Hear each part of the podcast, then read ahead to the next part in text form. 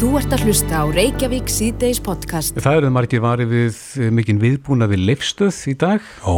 þar sem að slakkubílar og sjúkrabílar og, og uh, lauruglubílar voru mættir á staðin en, en ástæða var, samkvæmt fréttuminn af vísi.is, uh, vél United Airlines sem að var snúið við rétt eftir flugtak og um borði þeirri vél var okkar eigin Sigrun Rós Kristjánsdóttir, komdu sæl. Blessaður og sæls. Á hvaða ferðalagi varst þú? Ég er á leiðinni, já, já, ég ætlaði að vera á leiðinni til Kólumbíu, svona helst, með millilendingu í New York, en ég er bara ennþá hér í Keflavík. Já. En hvað gerðist? Sko, við fengum bara tilkynningu um það þegar vorum búin að fljúa svona einhvers bylunu 30-40 mínútur að annar reyðillin var að ofitna og þeir skildi ekkert í því af hverju það væri. Nei. Þannig að þeir vildi snúa við til þess að aðtöfa þetta betur og segja okkur að það myndist taka svona 20 mínútur. Já. Hvað, hvað gerðist þá í vélinni? Var, var fórum mannskapin? Já, já, óneitanlega eitthvað svona aðeins en, en það var nú engin, engin hróp og köll eða neitt þannig en maður var voða þeir þegar við lendum bara. Já, já. En þurftu þeir að slökka á heflinu? Ekki hugmynd, svo bara veit ég ekki meir, ég var bara svo fegin að vera lenda, ég sp spurði hvorki kongi þess neitt meira út í þetta. Nei. Já. En, En var- við erum svo sem ekki vör við neitt. Nei, nei, Það voru en þetta er- engar dýfur eða mikið læti. Einmitt, en þetta er óþægilegt, en hvernig var þér við þegar þú heyrðir þetta og þegar að vélinn byrjaði að snúa við? Mm, ég við ekki nálega, mér stóð ekki alveg á sama, þótt þess að ég segi það voru ekki læti og ekkert maður fann ekki fyrir neinu en bara Mhm. svona að vita að þetta verið séns. Og maður náttúrulega bara voða glæður að sé ekki verið að taka sénsa með svona öryggi. Já. Og uh, þegar síðan uh, lendið aftur uh, verður þá varfið allar þennan viðbúna sem að hafði farið í gang. Já, já, þá var þetta hellingur af bílum og áfallateimi og alls konar fínir í en þeir voru nú reyndar búin að taka fram að það yrði og það væri bara svona standard Mhm. svona ferðlar sem að færi í gang og við þyrstum ekki að það var áhyggjur að þið þóttu sæðin það. Já. Veistu hvað gerist næst? Er stemt á að fara með þessari vél aftur á lót? Nei, það er bara búið að aflýsa þessu flugi. Nú er fólk hér bara að býða eftir töskum og, og mér sýnist erlendi ferðalangarnir flesti vera á leiðinni á hótel í Reykjavík. Já, já. Ég reyni einhvern veginn að koma að vera á skaga aftur og svo reynum við við Kólumbíu bara aftur á morgun. En hvað með tengiflugið? Það er bara kærið á nokkar. Já. Að, já, Er, er þetta, af því að ég veit að, að nú fer nýja þáttaröðin að fara í loftið, þess að leitin að upprunanum, er, er þetta Já. hluti af þeirri vinnu? já, þetta er þannig að þetta er síðasta ferðalagi fyrir þessa þáttaröð. Já. Og hvena verður, hvena verður síðan frumsýnt? Sko, það er einhver staðar, einhvern sunnudag í lok september, það er ekki alveg búið að negla það. Já, já. Það, það styttist mjög mikið í þetta. Já. Er þetta eitthvað sem þú getur sagt okkur frá núna eða viltu býða?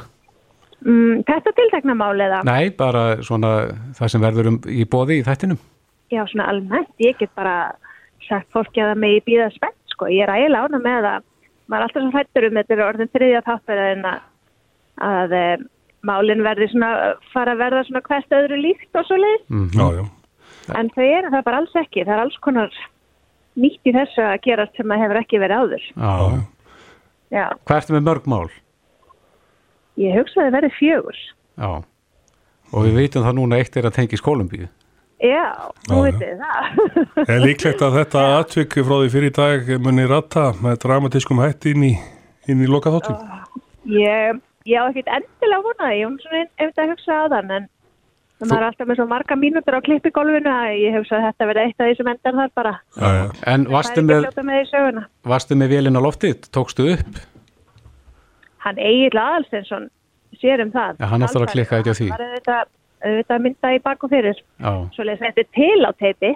akkurat. Já, En þetta gekk allt saman vel og, fer. og þið farið bara þá vantarlega á morgun ef að, Já, ef að líkun lætur. Ef Guð Já. lofar, já. já. Sigrun Ós, Kristjánsdóttir, kæra þætti fyrir þetta og góða ferð. Takka ykkur kærlega fyrir. Sjáumst. bless. Þú ert að hlusta á Reykjavík síðdeis podcast. Jæja, uh, náttúruvenda sinnar, þeir hafa bent á það í gegnum tíðina að eh, til þess að, að draga úr losun á, á uh, gróðurúsáhrifum að þá þurfa að minka kjötneyslu og nú hyggst borgin svona stíga það skref meðal annars með því að minka kjötneyslu í skólum. Já, Uh, sagði þessu inn á vef Ríkisútafsins en uh, Sigmar Viljámsson sem að fer fyrir félagi etja svína og kjúklingabænda uh, er á línunni, kom til sæl. Já, sælir, sælir. Já, er þetta ekki bara heið besta mál að, að draga á neyslu á, á þessum vörum? Uh, ég veit nú ekki með það. Ég, eh, svona eins og ég mátti skilja henni að þá vildi hún svona bara loka á kjötafurðir í, í skólum eða draga all verulega úr þeim. Og, Já. hérna, Hún, hún hver, semst lífmagniðu dóttir borgarfulltrúi? já, já, þetta er svona þau viðbröð sem að hafa allir mestur hræringum í þessari, þessari umræði. Mm Uh, en, en það skal náttúrulega ekki fram að ég er nú ekki næringafræðingur eða mannaldisfræðingur en, en, en ég held eins og er að það sé mikilvægt í þessar umræði að leita til sérfræðing á þessu sviðum áður en menn taka ákvarðinni með þetta. Og, hérna, og borgarfulltrú eru nú klárir en það væri nú ágætt að hafa svona fólk sem að veit betur í þessum efnu hvort þetta sé skynsalegt hvort bara líðhelsu barna. Þú veist, uh, börn í grunnskólum ég hefði haldið að þau þyrftu þyrftu fjölbreyta fæðu til þess að halda vexti það er fiskur, kjöt að vera reyða græmiti Já, hafið þetta fjölbreytt og þar, þar ætti þá kjötið að vera með öðru.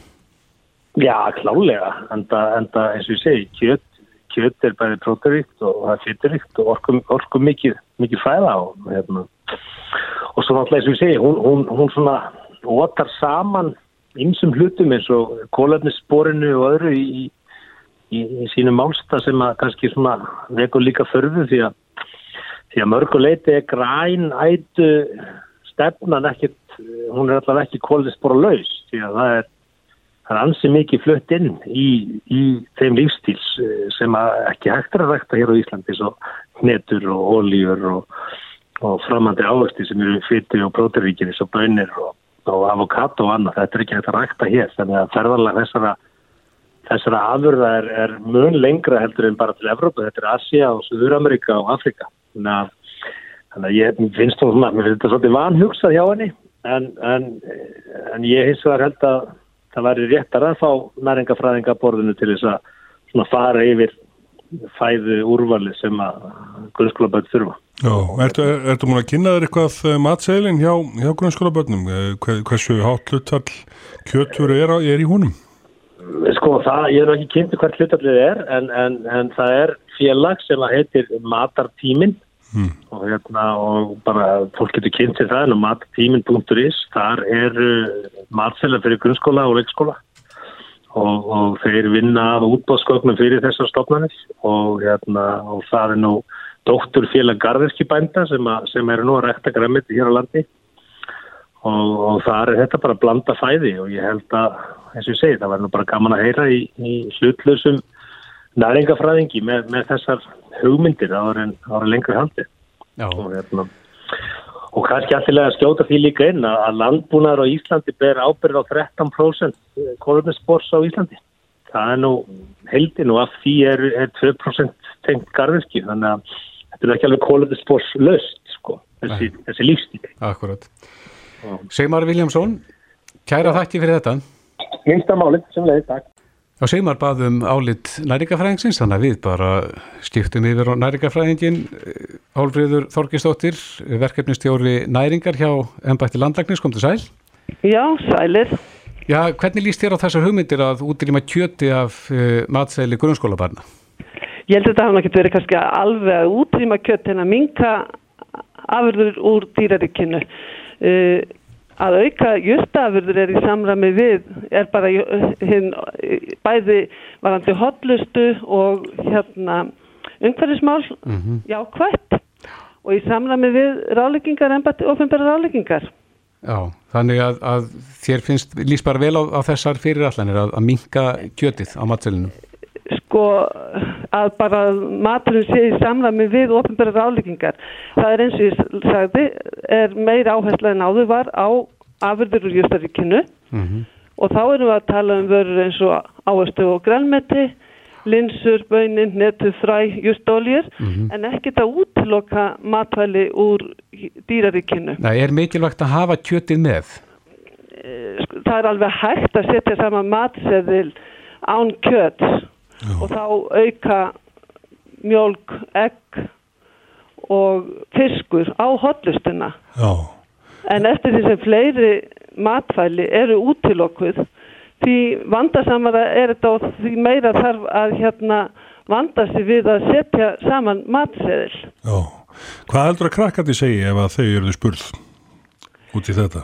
Ég þór ekki að segja um það. það sum eru náttúrulega eru á justafæði Já, en, en ég held að það sé nú svona færri um, ekki meiri hlutin en það er bara að hafa fjölbreytni og hérna í matræðinu og bjóða líka upp á justafæði. Já, það segir hérna inn á frétta við Ríkisútvarfsins að, að samtök grænt hér á Íslandi þau sendu sveitafélögum áskorun í vikun um að hætta alveg að bjóða dýra afurðir eða draga verulega úr frambóðu þeirri mötunutum skóla í ljósi hamfara hlínunar.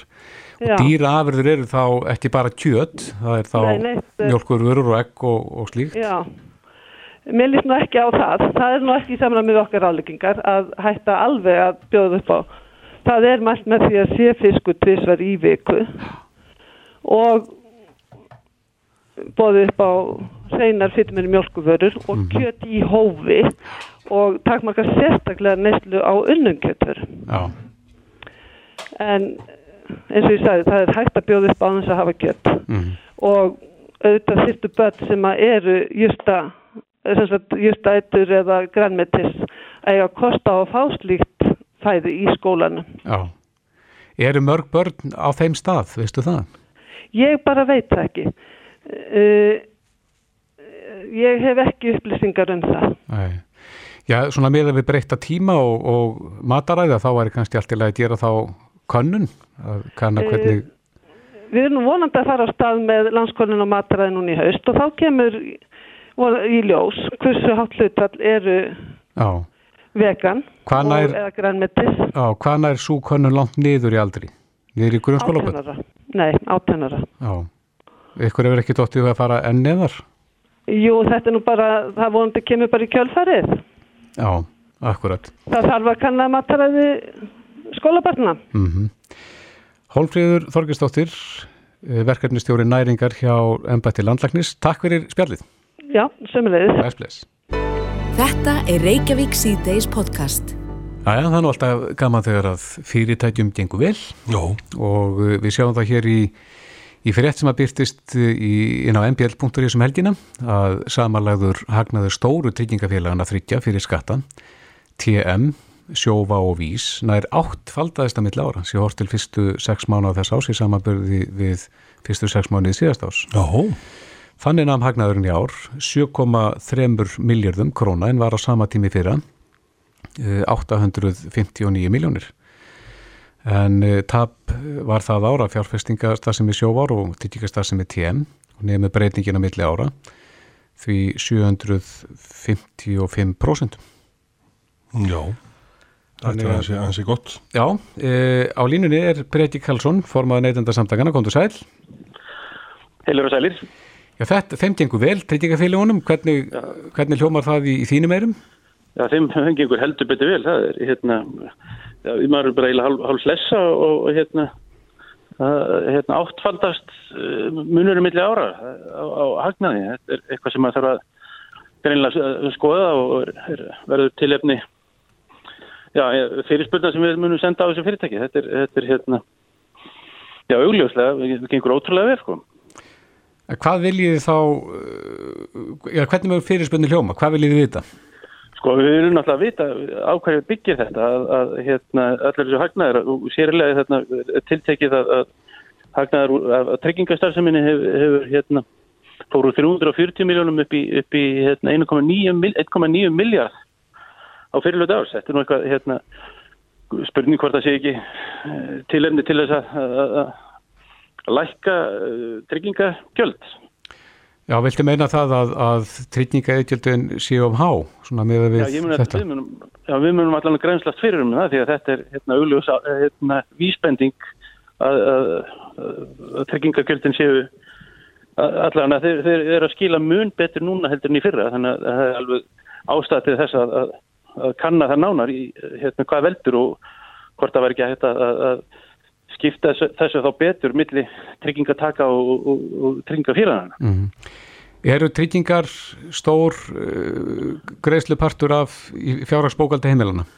Já, tryggingar eru augljóslega einn ein af starri hlutum í bókaldi heimilana og, og hérna og fyrir sístækandi svona hérna að yðgjöldin eru að hækka og með, með hérna bæður enda með breytum lögum en, en líka með, með hækkandi yðgjöldum eins og þetta sýnir þetta dæmi að, að, að þetta er að skila sér mjög, mjög vel núna mm -hmm. En því er þetta ekki líka það að Íslendikar hafa ekki verið að lenda í, í miklum tjónum?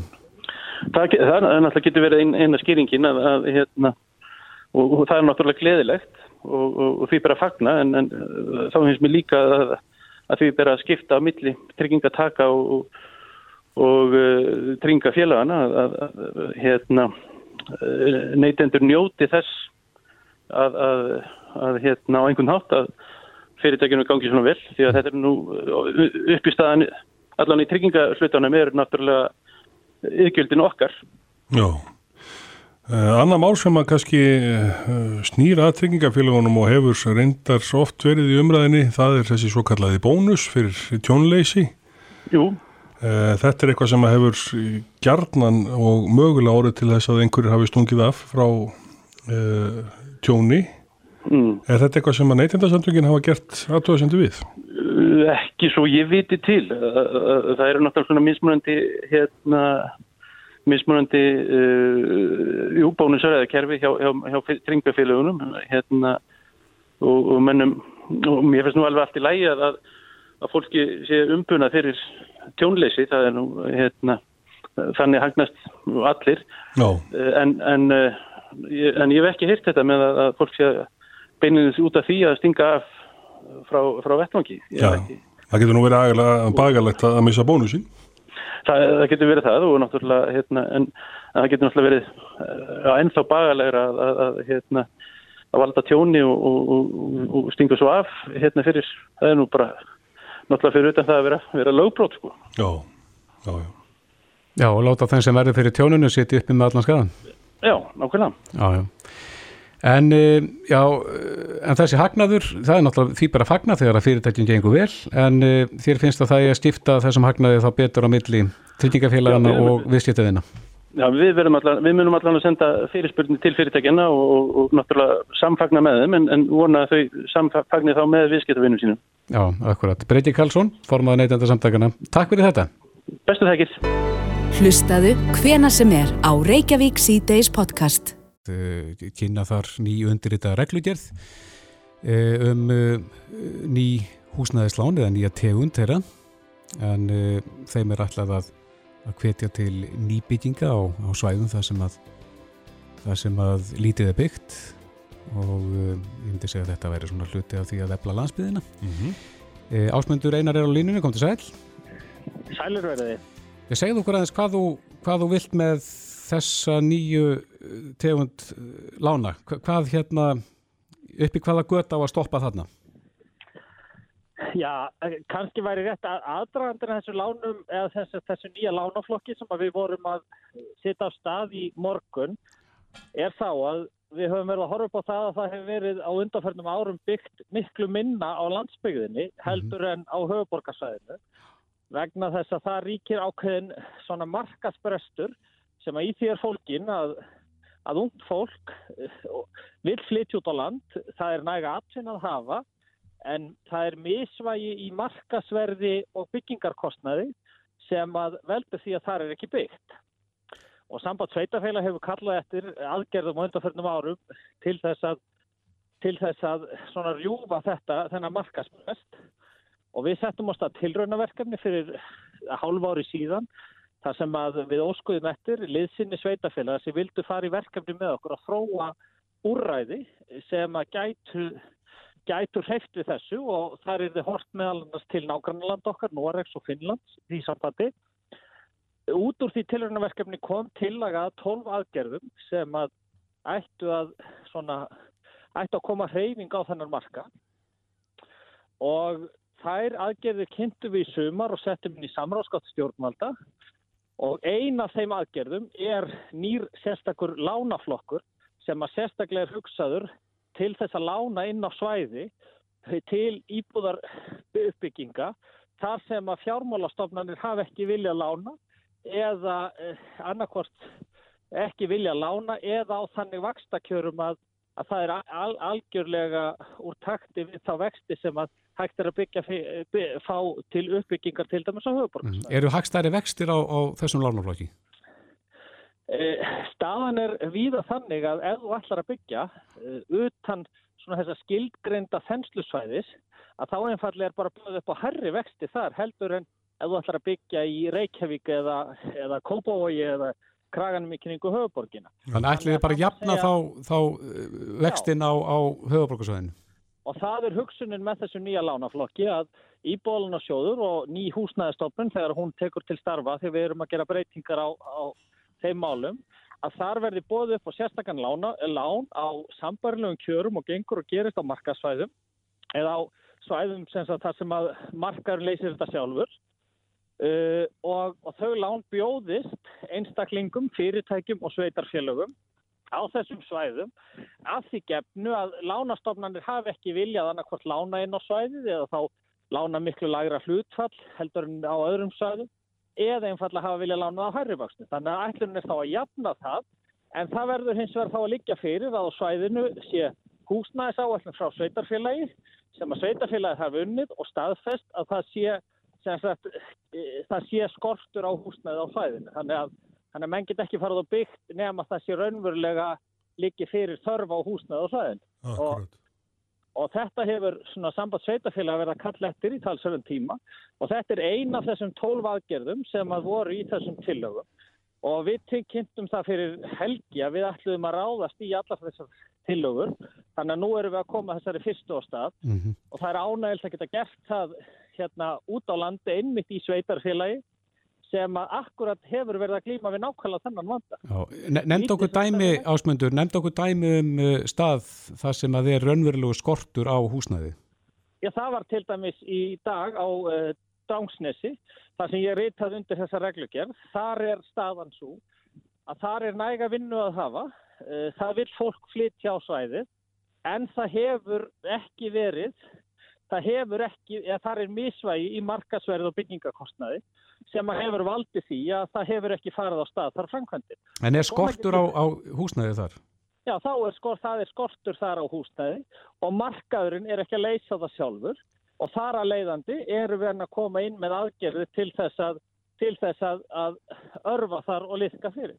Og sveitafélagi þar fór á, á stað sjálf en hefur verið að býða eftir því að geta fengið lánveitingar inn í það verkefni. Og við getum farið áfram, ég heyri það sama þegar þú ferð eh, um á Östurlandi og Suðausturlandi, uh, vestfyrir í heilsinni, við getum tekið svæðið Bíldudalur, Patræksfjörður, Tálknafjörður uh, og svona mætt áframtælja það sem, að, það sem eru svæðið það sem þess er ábútafant og, og í rauninu má segja að, að þessar aðgerðir að við erum svolítið að horfa líka til fyrirmynda sem að normenn fór á stað með sambarilegt verkefni sem er svona E, samstar ríkis og sveitafélaga til þess að örfa húsnæðismarkaðin á þessum svæðum þar sem að markaðurinn er ekki að leysa hlutina sjálfur.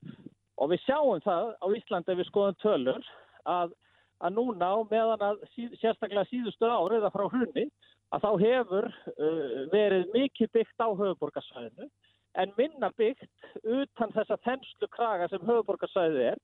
Jafnvel þó stafan sér svo að að það sé næga atvinna að hafa á þessum svæðum og þetta sé farið að í raunina aftra atvinnu uppbyggingu á svæðunum og fyrirtækin sjálf hafa í einhverju tilfellum verið að fara á stað og byggja húsnæði fyrir starfsfólk af því að það sér engin annar um það á svæðinu. Já, en myndi þetta þá afmarkast af einhverju svona atvinnu svæðum þannig að höfuborgarsvæði er kannski einhvert atvinnu svæði og eru við þá að tala um að eins og til dæmis Selfos, Akranes væru utan þess atvinnu svæðis? Já, þetta muni afmarkast í svæði þar sem að fastegna uppbygging er ekki að eiga sér stað af sjálfu sér. Og, og forsendan fyrir þessum nýju lánum er svo að þú hefur fengið sinjun að fyrirlikki húsnæðisáallana þegar nú þurfa sveitarfélag að vinna húsnæðisáallinni sem að sendar eru til staðfestingar inn til stjórnvalda þar sem þau gera ráð fyrir hvað vantar af húsnað og svæðin og svo framvegis. Ef að slík húsnæðisáallun sem er staðfest sínir fram og að það er skortur á húsnæði í sveitarfélaginu uh, en þú fær samt ekki, einstaklingar eða fyrirtæki fá ekki fjármögnun á uppbyggingu í sveitarfélaginu að þá áttur rétt á því að fara inn í þennan nýja lánaflokk. Uh -huh. Þannig að það má segja krægin svona í kringum höfuborgarsæðu, hann fellur þar að leiðandi ekki undir þessa skilgreiningu en það er alltaf fullu við og þar í uppbyggingu á hústæði Mhm. nú þegar og þá er bara markarinn að sjá það sjálfur og þá þurfum við stjórnmálumennir auðsjónlega ekki að hafa nokkrar áhyggjur af því og eigum ekki að vera að skipta okkur af því. Já, hvenar, hvenar er stemt á að uh, þessi nýja húsnæðisstofnur ríkisins verið sett á lakirnar og uh, þið geti farið að lána þessa peninga? Já, við gerum ráð fyrir því að nú erum við búin að skrifa, þessi reglugjör var undirritu í dag, nú fyrir hún í byrstingu Já. og ég var vona því að íbúðansjóður þeirri mynd sem hann er núna, hann geti hafið bara næstu vikum að bjóða upp á slíka, slík, slík lán fyrir þá fyrir þau svæði sem þar að lítur. En síðan erum við að gera breytingar á íbúðalansjóði og með saminningu við mannverkjastofnun og breyta þessu í nýja húsnæðis og mannverkjastofnun en það er ekki ekki bundið við þennan nýja lánaflokk heldur erum við bara að fá aukinn slagkraft í húsnæðismálun og ég á vona því að, að á fyrstu dungum þingsins að þá kynum við frumvarp um þá saminningu. Mm. Getur nefnt okkur dæmi um hvað þetta mun muna miklu í krónum öðrum fyrir uh, meðal einbílisús? Nei, ég held að það verði bara, það er náttúrulega mjög breytilt á milli markas eða milli svæða. Uh, við erum að heyra fregnir af því að, að einstaklingar sem vilja byggja á ákveðnum köldum svæðum fá ekki til þess síðan fá mörg, mörg prósent herra, búið mörg prósent herra vexti eða einfallega það sé ekki vilji til þess að lána nema miklu lagra hlutfall af byggingakostnaði fastegnarinnar heldur en á höfuborgarsæðinu. Þannig ég held að það væri kannski óvarlegt að nefna nefna dæmi vegna þess að þetta er svo breytilegt á milli landsvæða. Ég held að þetta valdi því að á ákveðnum svæðin þá hefur bara ekki verið farið á stað í byggingar uh, og, og, uh, og menn hafa bara ekki séð forsendurnar fyrir því og hafa þess vegna beðið með og það sína gögn sem að íbúðalansur hefur tekið saman að, að landsbyggin hefur algjörlega setið eftir í uppbyggingu undanfarna, undanfarna ára eftir, eftir hrunnið. Mm -hmm. Við veitum það að Jóhann Ká og okkar menn á fréttastúna hafa fyllt ykkur eftir í dag og, og við fáum að sjá meira í, í fréttum af þessu ferðalagi ykkur Ásmundur Einar Daðarsson, félagsmálar á þeirra. Kæra þakki fyrir þetta. Takk fyrir, kærlega og gangi ykkur vel. Sömulegis. Reykjavík síðdeis á Bilginni podcast. Já, það hefur verið mikil umræða um orkupakka Já. og þeir umræði hverki næri lokið en þá þingi eftir að taka þetta fyrir og samþykja þetta og nú hafa anstæðingar frumhansins þeir byggla til aðstu ráðamanna þjóðarinnar að leifa þjóðin að kjósa um þetta mál. Já, það fer ekki það með mála, það eru miklar tilfinningar í þessu. Já, það er það. Kanski meiri heldur mann hefði grunnað. Einmitt. En eitthvað veldur. En Sigur Ingi Frilusson, frangvandastjóri Orkusettusins, hann skrifar grein sem er eins og mest lesnaðinn á vísi í Já. dag og ber yfirskriftin orkupakkar hafa lækkað raforkukostnað. En það er einmitt eitt af því sem að maður hefur heyrt að fólk hafi áhyggjur af að þetta muni hækka kostnaðin og Mhm. sumi segja að þetta hafi hækka kostnað og maður hefur heyrt menn tala um að, að reikningun hafi margvaldast við það að, að samþykja þessu orkupakka og breytt fyrirkomulag á fluttnýtja raforku og annað slíkt. En Sigur Ingi er á línunum, kom þú sæl. Já, sælis. Já, þú ferðaðins yfir sögun og ert í raunin að fara þarna yfir sko fyrri orkupakk og hverju þeir hafa skilað neytendum. Já, kannski óhá Íslandi, held að það sé ágætt að skoða stundum bara anda með nefinu og horfa á hvað þessi orkupakkar Evropasamvist hafa eiginlega verið að bralla, skilur, gegnum tíðina. Já, ertu þá að tala um fyrir neytendur í Evrópu eða, eða Íslandi?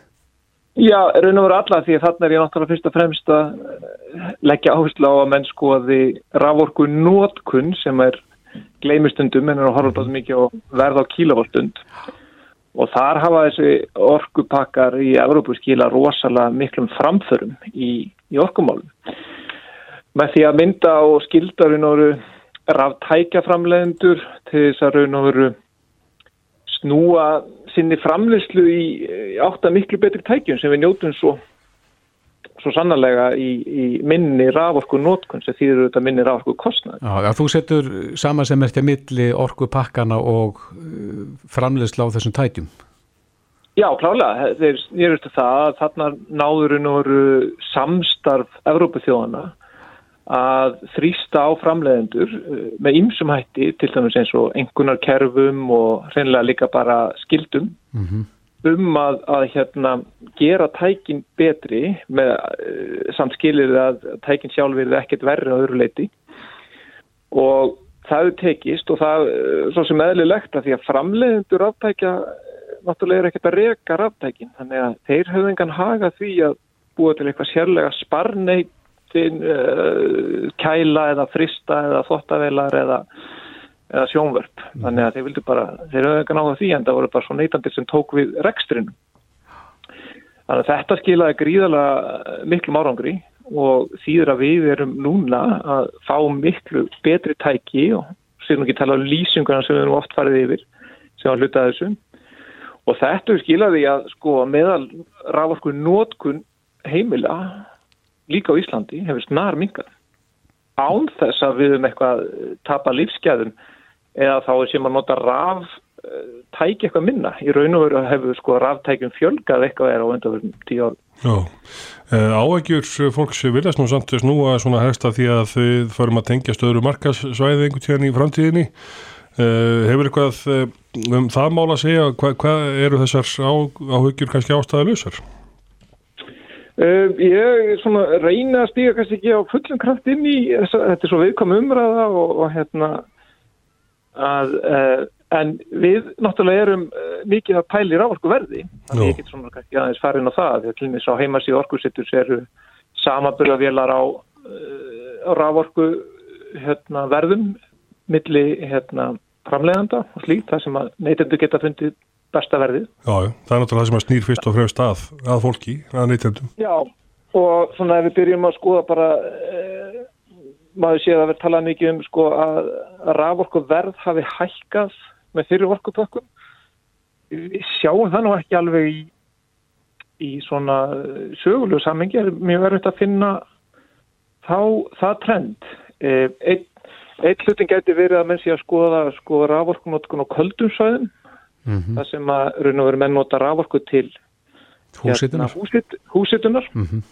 Og þá gætu menn verið kannski að ruggla saman við að við breytingarnar og innlegging orkupakka einhverja fyrri sem mann ekki númerinn á að þá færðist raun og veru sko uh, þetta úr raforku verðinu eða tögstum fyrirtækjana sem var mjög svona ógegnsækt og, og kannski ekki alveg jafndreift yfir í bara niðugrislur á ríkinu sko Þannig að það má kannski segja fyrir rafhittun hafa einhverju takstarhækkar en að móti komið þá bara niðurgrislu. Þannig að heldarkostnæðin hafi kannski ekkert verið breytilegu, sko, uh, breytilegu miklu. Mm -hmm. Og svo raun og veru veit ekki alveg hvernig þú getur það því að eins og þið vitið þá skiptist rávorku reikningunni tvent. Annars er uh, þessi markasluti, þessi framlegslu hlutin, það sem að ymsir aðalega geta, þú getur val á milli rávorku sala. Og það eru klárlega orðið lækkun á, á, á, á verði á fastu hérna, á fastur vístölu. Mm -hmm. En dreifingin hefur hækkað? Já, en dreifingin hefur svona, já, kannski ekkert mjög mikið á, á fastu verðlægi. En það er náttúrulega tengist, dreifingin er tengist bara kostnaði við flutning og dreifingu sem að tengist aðlað þessum fjárfestingu sem að dreififyrirtæki er að fara í, jarstrengjum og og uppfæslum á kerfinu. Ég veit ekki alveg hvernig orkupakkar hafa beina áhrif á ef það er til og meins mikið lagt í jörðu eða mikla frangvendir á dreifi kerfinu þá uh, held ég að það myndir nú leiða til einhverju kostnæðarkana og á einhverjum orkupakkum. En þú vilt meina að sagt, þetta samkrull Evrópu, að það hafi að þetta sé framför og framför þá fyrir neytendur í, í álfunni? Já, já, og sko íslensku þáttöku ekki, þá hefur þetta skipt miklu málega þarna náðist svona kritísku massi að þrýsta. Þetta er líka, við höfum líka séð þetta að það eru allir til að mynda á betri bílum í dag, hvort sem þeir eru konur á rámarsbíla eða eða er ennþá bensin og dísel, þá eru þeir mun orkunýttnari vegna krafna sem að sem sagt, Evrópussambandi sem sagt, þingaði framleiðendur í, bílaframleiðendur. Mm -hmm og skilaði gríðarlegum ábata í, í minni elsneitisnótkun í bílum. Uh, þetta hefði aldrei verið hægt hjá hverju einu ríki ef við hefum til þess að sjálf alltaf að segja við, við einhver bílaframlegenda, nei, herðu, þetta gengur ekki, því verðið að, að vera með nýttnari bíla, þá er ekki vissum að svo vikt hefði verið mikil. Nei. Ef þú horfið svona aðeins í þessa rafrænu framtíð, þurfum við að virkja meira og framlega meira rafmagn á næstu árum?